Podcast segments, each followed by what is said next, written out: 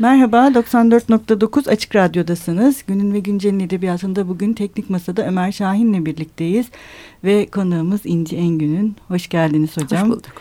Ee, çok mutluyuz bugün burada olduğunuz için. İnci Hoca e, sadece bizim hocamız değil, hocalarımızın da hocası. Yaşlanınca kaçınılmaz bir şeydir. Estağfurullah. Ee, ve hocamız sağ olsun bizi kırmadı. Böyle bir günde e, burada bizimle birlikte ve e, ne mutlu ki Tanpınar'ı konuşacağız kendisiyle birlikte. E, hocanın e, geçen günlerde dergah yayınları tarafından e, halde edip Türk Tiyatrosu ve e, Ahmet Hamdi Tanpınar kitapları bir arada yayınlandı.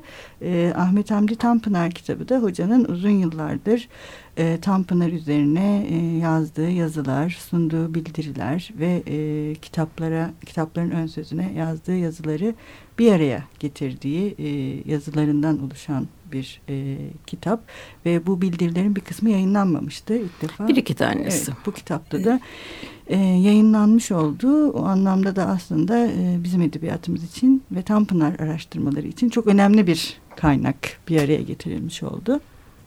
Ee, biz de bu vesileyle Tanpınar'ı konuşacağız. Tabii ben de biraz heyecanlıyım hocayla Tanpınar'ı e, konuşacağımız için.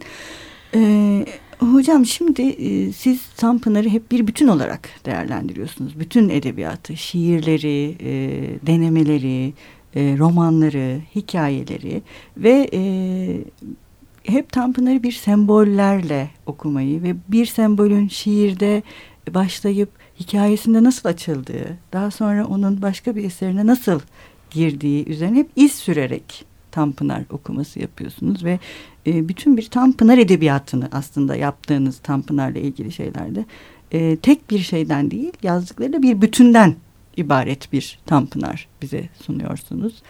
E, böyle biri mi Tanpınar?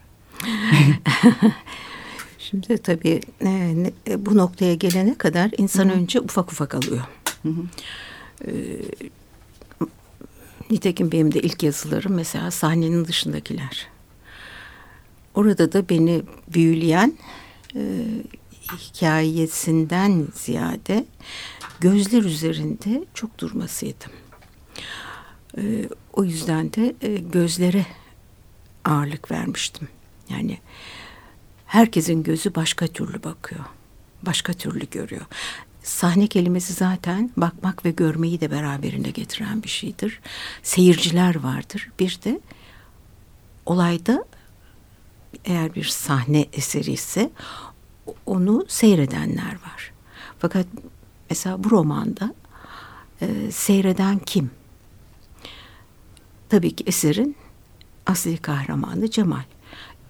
Ama Cemal kimlerin bakışları üzerinde duruyor. Ona baktığımız zaman buraya herkes giriyor. İstanbul'un kalburüstü insanları, milli mücadele için çalışanlar, milli mücadelenin aleyhinde olanlar, e, mahalle arkadaşları, e, hatta e, bir aşk cinayetinden ölüme mahkum edilen Alaye ile Ahmet onun bakışları. Bunların hepsi o kadar değişik e, sıfatlarla nitelendirilerek anlatılıyor ki birdenbire kitap benim gözümde sadece gözlerden, bakışlardan ibaret bir hale geliyor. Bu aynı zamanda bu çeşitliliğin anlamı nedir? Milli mücadeleye bakan ve görenler dolayısıyla yorumlar hepsi birbirinden farklıdır. Kişilere göre bunlar değişmektedir. Sanıyorum e, ilk defa e, orada dikkatimi çekmişti. Tabii derslerde genellikle daha derli toplu vermek zorundayız. Böylesine genişlettiğimiz zaman e, öğrencinin o ders takip etmesi pek mümkün olmaz. Çünkü e, atlaya atlaya anlatmak e, merhum hocamızın da e, Tanpınar'ın da huyuydu ve biz çok zorlanırdık o dersleri takipte. Halbuki o çok geniş bir dünyaya sahipti ve bizim dünyamızı unutmuştu herhalde. Çok gençliğinde kalmış. Ee, o bakımdan e, zamanla bu daha da arttı. Tanpınar'ın eserlerini okuyup da onlar üzerinde düşünmeye başladığım zaman çünkü Tanpınar kendi eserinin nasıl tahlil edilmesi gerektiğini de adeta bazı ipuçlarıyla bize veriyor. Mesela diyor ki işte Yahya Kemal benim gibi poezisini şiir e, nesirlerinde dağıtmıyordu diyor. Yahya Kemal'e o gözle baktığım zaman orada mısra bütünlüğü taşıyan muhteşem cümleler var. Mesela diyor ki Mustafa Kemal Paşa'nın emrinde ordular yoktu. Fertleri ordular gibi kullandı diyor. Şimdi bu mısra olmayı e, bekleyen bir ifadedir. Bu türden bir sürü cümlesi var. Fakat gerçekten Tanpınar'ın şiirli üslubunu biz siyasi yazılarında bile buluyoruz. Fazla e, şey yapmış, fazla dağıtmış. Keşke dağıtmasaydı. E, diye de düşünebiliriz ama tabii o yazıları da belki okunur e, kılan o bir de şahsiyet bir bütündür. E, o şahsiyetini bize sunduysa bizim asıl görevimiz şöyle olsaydı böyle olsaydı diye e, düzeltilmesi mümkün olmayacak, onarılması mümkün olmayacak şeyleri dilemek değil. Sadece elimize hangi veriler ulaşmışsa onlar üzerinde düşünüp onları yorumlamaya çalışmak. Ve bu yorumlarda herkes için farklı olabilir. Okudukça değişiyor. E, benim e, ben sembollerle öteden beri ilgilenirim. Beni çok ilgilendirmiştir rüyalar keza. ve çok uzun müddet hem Freud'u hem Jung'u çok okuduk. Hatta Jung neredeyse rüyalarıma girmeye başladı o rüyalarla ve bir müddet okumaktan vazgeçtim. Çünkü insan e, hele bir amatör olarak okursa bunları e, biraz e, do, yolunu şaşırabilir. Ama Freud'dan öğrendiklerim, Freud e, ve öğrencilerinden diyeyim. Freud'dan çok o Ernst Jones veyahut e, Jung Hatta Doktor Suzuki. Onlar beni daha çok etkilediler. Onları daha çok okudum. Çünkü onların doğrudan doğruya eserle e, karşılaşmaları ve eserleri yorumlamaları e, söz konusuydu. E, ve onlardan hem bütün çalışmalarımda yararlandım. Hem de onlar bana yol gösterdiler. Yani benim hala sürekli okuduğum, elimden hiç düşürmediğim bir semboller kitabım vardır. Sembollerin hı hı. anlamını açıklayan. O benim elimdedir. İşte gece uykum kaçarsa bazı şeylerini okurum. Ee, ona dayanarak e, bazı araştırmaları yaptığım zaman aynı şeyler çıkmıştı. Ee, yani karakter tahliline bile gidebiliyorsunuz e, hı hı. o sembollerden ve bu doğru çıkıyor. Evet. Belki falcılar da öyle yapıyordur bilmiyorum ama e, bizim e, e, sembollerden hareket ettiğimiz zaman bize yol gösterici e, bir elimizde kitaplar varsa onlar vasıtasıyla ulaşabiliyoruz. Tabii bunun bir öncesi de mitolojidir. Evet. Mitoloji bütünüyle e, sembollerin anasıdır zaten. E, Tanpınar'da da bunlar var. Mesela benim çok hayıflandığım ve çıksaydı acaba nasıl bir şey olurdu diye merak ettiğim eseri şeydir e, tanrılar arasında insanlar arasında. Zeus'u insanların arasına getirdiğiniz zaman ne olur? Biliyoruz ki Yunan tiyatrosundan e, insanlar tanrılaşmak istedikleri zaman tragedya doğar. E, çünkü tragedyanın konusu olurlar. Yüce bir şeye kalkışmışlardır ama güçleri yetişmeyeceği için zaafları dolayısıyla ve tanrıların kendilerine biçtiği kader dolayısıyla yarı yolda kalacaklardır. Buna karşılık in, tanrılar insanlara özenip de e, yeryüzüne indiklerinde sadece komik olurlar. Evet. E, ve komedinin de kaynağı odur. Bu yüzden de her ikisi de ayin, birer ayin e, türüdür. E, Zeus o kadar öyle bir noktada bırakıyor ki tam insan olduğu sırada ve Tanrılı ile ilgili hiçbir şey hatırlamadığı bir nokta. Ondan sonra ne olacaktı? Tanpınar'da bu yarım kalmışlık e, biliyorsunuz romanlarında da var. Hatta evet. birçok kimse e, eskiden ben de öyle düşünüyordum ama sonra tabii buldum. E, sahnenin dışındakileri de yarım kalmış sayıyorlar. Eğer onu da yarım sayarsak üç tane romanı yarım kalmış demektir. Ben ona kani değilim. Çünkü bir tiyatro eserine veya böyle bu kadar uzun süren bir sahne eserini sonuna kadar seyretmek belki de mümkün değildir. Herkes zaten bir kısmını seyrediyor belki böyle çok modern bir tiyatro düşünün. Hı hı. Gelip bir kısmını seyrediyor çıkıyor bir kısmını. Evet. Bugünkü televizyon gibi. Evet, doğru. İstemediğimiz yerde veya kapı çalındığı zaman hemencecik televizyonu kapıyoruz ve bir noktasında kalıyor. Bu bakımdan hem postmodernin e, modernizme de açık bir şey yazar. Tanpınar'ın postmodernizmle olan ilgisi nedir dersek daha o zamanlar başlamamıştı evet. postmodernist akım. Hoş bazı araştırıcılara göre çok daha önceden başlamış oluyor ama ilk başlayış kıpırdanış yılları 1979 falandır 70'lerin sonlarıdır. Ee, ama modern çağın bize sunduğu teknik gelişmeler e, hiçbir şeyin tadına varmaya imkan tanımıyor desek yer. Yani bir konser salonunda dinlediğiniz konserin güzelliğiyle televizyonda dinlediğiniz bir konserin güzel olmasın demiyorum yani sakın yanlış anlamayın. Ama aynı değildir. Çünkü birisi her an dıştan gelecek bir etkiyle değişebilir. Ötekisinde ise bütünüyle kendinizi o sanat eserine veriyorsunuz. Ee, o bakımdan yani evde resim kitaplarını karıştırmakla e, müzeleri, e, müzedeki eseri görmek, e, onun karşısında hatta mümkünse uzun bir zaman geçirmek çok farklı tecrübelerdir. Hatta Van Gogh sergisi açıldığı zaman burada Rembrandt ve çağdaşları geldiği zaman ben dayanamayıp Tanpınar'da görseydi diye bir yazı yazmıştım. Hani gerçekten Tanpınar onları biz, e, genç yaşlarında görmüş olsaydı ya. acaba ne olurdu? Acaba fikri çok daha değişir miydi? Bilemiyorum yani hı hı. E, Tanpınar konusunda insan e, bazı şeylerde şaşıyor bazılarında çok e, ileri atılımlar yapıyor. Fakat çok muhafazakar olduğu noktalar da var. Mesela e, resimde e, ısrarla şeyde kalıyor. E, Rönesans resminde kalıyor neredeyse. Ondan ötesine çok fazla gitmiyor. Neden acaba? Hı hı. Rembrandt hariç belki ama o da bir çeşit e, zaten klasiktir. E, ve üstelik e, Tanpınar'ın e, e, adına da e, zevkine de uyan bir ressamdır. Gölge ve ışık oyunlarını Tanpınar. bu kadar güzel an. Peki ama aynı şey Dali'de de var modern bir ressam olarak. Neden onu da sevmiyor? Hiç adı bile galiba geçmiyor veya bir kere geçiyor bir kere böyle. Ee, çok az e, bahsediyor. Ee, modern e, şeyden hoşlanmıyor. Neden hoşlanmıyor? Modern evet. Mükemmeliyetçi oluşu.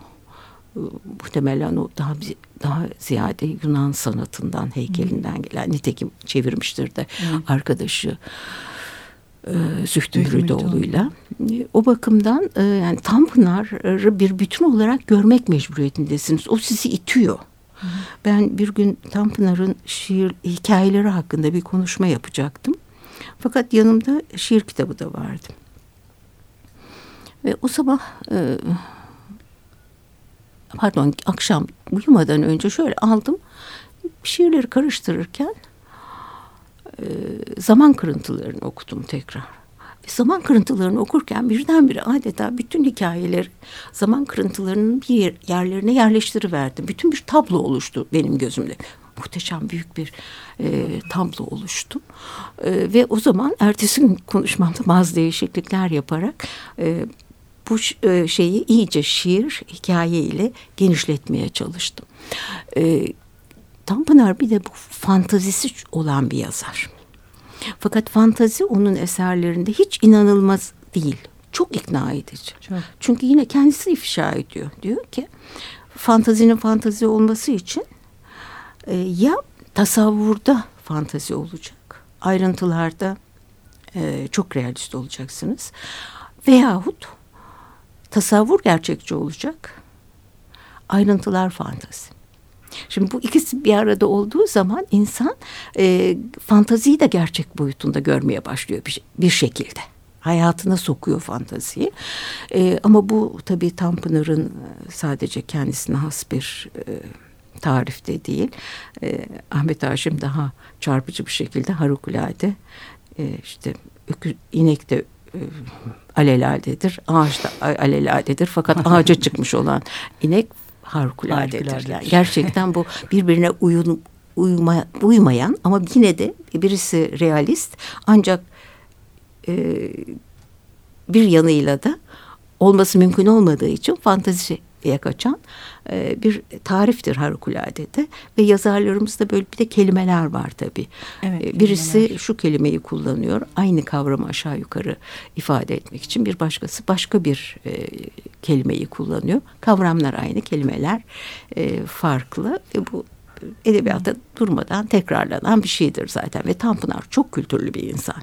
Okuduklarını iyi okumuş, iyi hazmetmiş ve kendisine mal etmiş.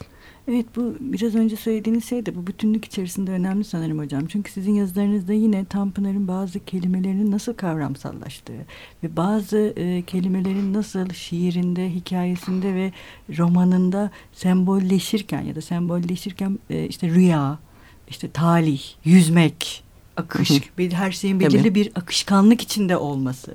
Yani sabit değil. Mesela. Çünkü bu aslında e, hayatın kendisiyle çok yakın bir şey. Hayat zaten sürekli bir akıştır. Hı hı. E, bu bakımdan yani bazı e, bizim başka e, şairlerimiz de bu nokta üzerinde durmuştur. Mesela Tanpınar'a büyük saygısı olan e, Melih Cevdet Anday da aynı şeyi söyler. Bir e, duran zaman akan zaman gerçekten duruyor sandığımız şey bir an sonra akan zamana karışmıştır. Daha sonra oradan bir nesne tekrar duran zamana intikal eder. Sanat eserine intikal eden şeyin de ömür biraz daha uzar sanki akmıyormuş gibi.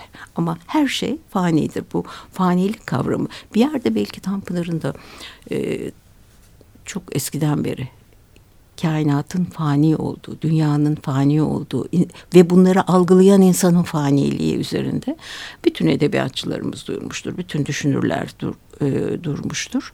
Bu bakımdan e, Tanpınar'da da bunun bir tekrarını görüyoruz. Ayrıca bir kelimeyi bütünü ifade eder şekilde kullanmak bu zaten dil özelliklerindedir. Ocağı söndü dediği zaman evi barkı dağıldı demektir bu. Hani illa ocak kullanıp kullanmaması söz konusu değildir. Bunlar e, semboller haline gelmiş e, ve bütün ifade eden kavramlardır. Bunu da en başarılı şekilde bizde kullananlardan birisi de Behçet Necatigil'dir. Hmm. Yani şiirlerinde inanılmaz bir şekilde kelimeleri tek başına kullanıyor. Fakat o söylediği tek kelimeyle tarihin bir devrinde yer almış olan korkunç bir faciayı dile getiriyor. Evet. Ee, o da e, yani bizim iyi yazarlarımız var. Tanpınar'da bu iyi yazarların. Evet başında. belki de başında geliyor veya artık herkese göre evet. tasnif edilebilir. Evet. Ee, hocam e, bir de ben aslında şeyi de konuşmak istiyorum. Siz Tanpınar'ın öğrencisiniz. Onu e, biliyoruz. Sonradan e, işte Kaplan Hoca ile birlikte onun Tanpınar'a olan yakınlığı, asistan olması ve ölümünden sonra da e, yine siz de bahsediyorsunuz Tanpınar'dan kalan bir takım şeylerin öğrencilerine verilmiş olması ve yani sizde de günlüklerin yayınlanması evet. süresinde uzun yıllar çalıştınız Zeynep Kerman Hoca ile birlikte. Evet bu süreç sizi nasıl etkiledi? Ben kendi kişisel maceranızı da aslında Tanpınar'da.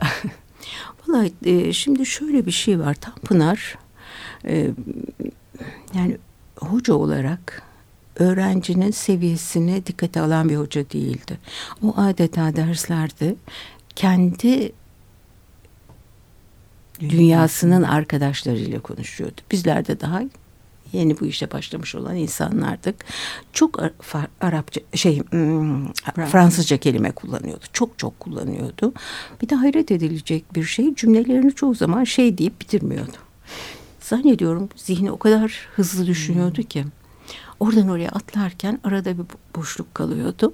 Ve bu tabi derslerinin takibini e, pek kolaylaştırmıyordu. Adım akıllı zorlaştırıyordu. Fakat öte yandan da Tanpınar'ı dinledikten sonra yani ölümünden sonra onu fark ettim. Yazdım da birçok yer defa söyledim de.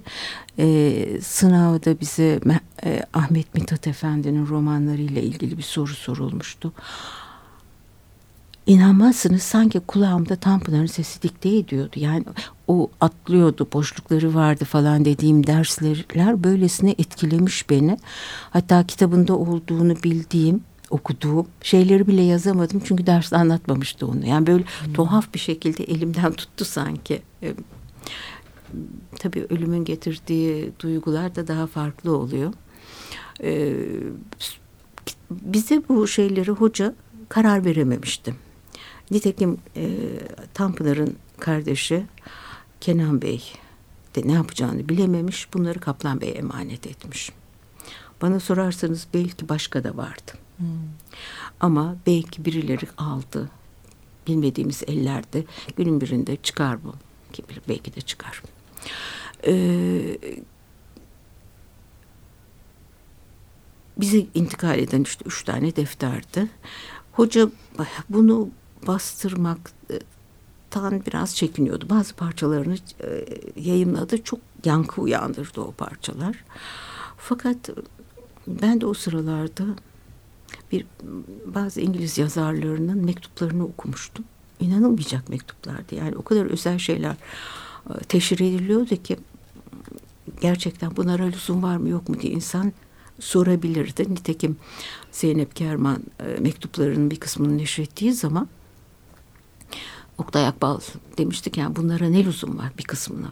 Bunlar nihayet e, insanların öfkelendiği zaman söyleyeceği sözler bunları atmak lazım. Şimdi attığınız zaman bir şeyleri insanlar metnin tamamından şüphelenirler.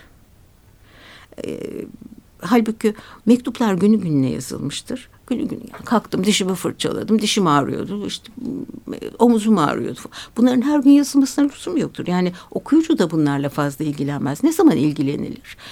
Bunun bir filmi yapılacaktır. O zaman ilgilenilir. O zaman da orijinallerine gidilir. Yani e, geniş okuyucu kitlesi için yazıldığında bence birçok şeyin böylece e, atlanması mantıklıdır. Fakat bizde öyle değil. Bir dedikodu merakı var. O dedikodu merakı dolayısıyla acaba buradan neyi attılar? Ne vardı bizim orada kurcalayacağımız diye e, bir havaları var okuyucularımızın bir kısmının veya en azından eli kalem tutan okuyucular. e, o bakımdan e, işte ben işte efendim bakın kitaplarda bunlar yazıyor. Bunlar yazılabildiğine göre yani Tanpınar'da daha kötü şey yapmış olamaz ki falan diye e, bir hayli söz söyledik. Nihayet bir gün bıktı bizden Kaplan Bey zannediyorum. Alın dedi, alın ve şey yapın. Ve bize bir sayfa falan okudu. Tabii o çok kolay okuyor. Biz onu öyle kolay okuyamıyoruz. Üstelik de ben çok fazla e, şeylerle, müsveddelerle ilgilenmemiştim. Zeynep birazcık daha tecrübeliydi o konuda. Fakat sonra işte yavaş yavaş okumaya başladık. Biliyorsunuz yüksek e, öğretim kurumunun kurulması ve bizim hepimizin bir yerlere dağılması e, işleri çok karıştırdı. Yani Zeynep'le aynı yerde bulunsaydık belki daha çabuk bitebilirdi ama aynı yerde değildik bir kere. Birbirimizi haftada bir bile göremiyorduk zaman zaman. İşler çok artmıştı. Çeşitli üniversitelerde derslerimiz vardı. Buna inanmayanlar var. Yani hala işte Hala soranlar var. Hepsini mi neşrettiniz? Hiçbir şey atlamadınız mı ya? Eğer atlayacak olsam hocamın aleyhinde söylediklerini atardık veya Kaplan Bey atardı. Böyle bir şey yok. Ama e, güvensizlik duygusu bizde maalesef e, çok yaygın. Onun için de aldırmamak en doğrusu oluyor. Tabii aradan zaman geçince unutuyorduk bazı şeyleri. Onun bir yararı da vardı. Tekrar okuduğumuz zaman hayır bu, şu, o olamaz şudur bu kelime falan diyorduk. Okuyamadığımız üç beş kelime hala kaldı. Ama benim gördüğüm kadarıyla hiç kimse de onları okuyamadı galiba. Onun için Mümkün değil. aynı şey Hamit'te de olmuştu. Üç, üç tane mine kelime bir şey olmadı, çıkmadı. Belki günün birinde çıkar. yani çok zor e, bazı müsveddelerle uğraşmak. E, ve biz sonunda nihayet e, artık bunu neşredelim dedik. Yani çok uzadı. Sonra da biraz açıklamalı olsun diye bu şekilde şey yaptık. O da kötü karşılandı. yani tabii eğer metni çok tek başına sunsaydık belki bazıları da ona ortak olmayı çok arzu ederdi. Bunu da yani maalesef bizim bu araştırma alanımızda bizi yaralayan çok şey oldu. Hele bu e, müsveddeler dolayısıyla. Ama şiirleriyle hiç kimse ilgilenmedi. Bu kadar şair var. Neden merak etmiyorlar? Ben şair olsam Tanpınar'ın müsveddelerini merak ederdim. İki şiiri üzerinde durdum ben. Evet. Ee, buyurun işte o müsveddeleri isteyin bizden. Çalışın. Çalışın Okun, bakalım yapabilir. Yapılamaz çünkü çok uzun zaman istiyor. Evet. Yani bugün yapacaksınız, ertesi gün, üç gün sonra tekrar döneceksiniz aynı metne. Belki e, olumlu bir e, e sonuca ulaşırsınız ama bunu asıl şairler belki de yapmalı çünkü e, onlar daha e, iyi davranabilirler. E, daha doğru davranabilirler belki. Tabii hiçbir şair öbürünün yerine düşünemez ama Evet, belki buradan da bizi dinleyen şairler varsa onlara da bir ilham vermiş olursunuz yani, hocam. Belki böylelikle. Tabii onlar aslında kendi şiirlerini de şey yapsalar böyle kocaman her yıl bir tane şiir kitabı çıkıyor. Her yıl bir tane şiir kitabı çıktığı zaman bunun kalıcılığı çok şüphelidir. Yani çok şüphelidir. Tanpınar e, yani fazla titizlik etmiş çok evet. çok ama e, Haşim'in de öyle küçücük bir kitabı var ama hala yaşıyor ölümden sonra. Her zaman da yaşayacak. Yani bu, bu belki çok yazmanın da bir anlamı yok. Tabii. Ciltler dolusu yazanlar var. Okuyup okuyup atıyorsunuz, okuyup okuyup atıyorsunuz. Evet. Ve e, ben onları da yalnız çok şey yapmıyorum yadırgamıyorum. Çünkü şair aynı konuya tekrar tekrar dönüyor. Birbirine çok benzeyen şiirler yazıyor. Belki onların içerisinden bir seçmeler yapmak evet. gerekiyor. E, hocam e, sohbetimize haftaya devam edeceğiz. e, çok teşekkür ederiz. E, bugün 94.9 Açık Radyo'da İnce Engün'ünle Ahmet Hamdi Tanpınar'ı konuştuk. Söyleşimize haftaya devam edeceğiz. Hoşçakalın, görüşmek üzere.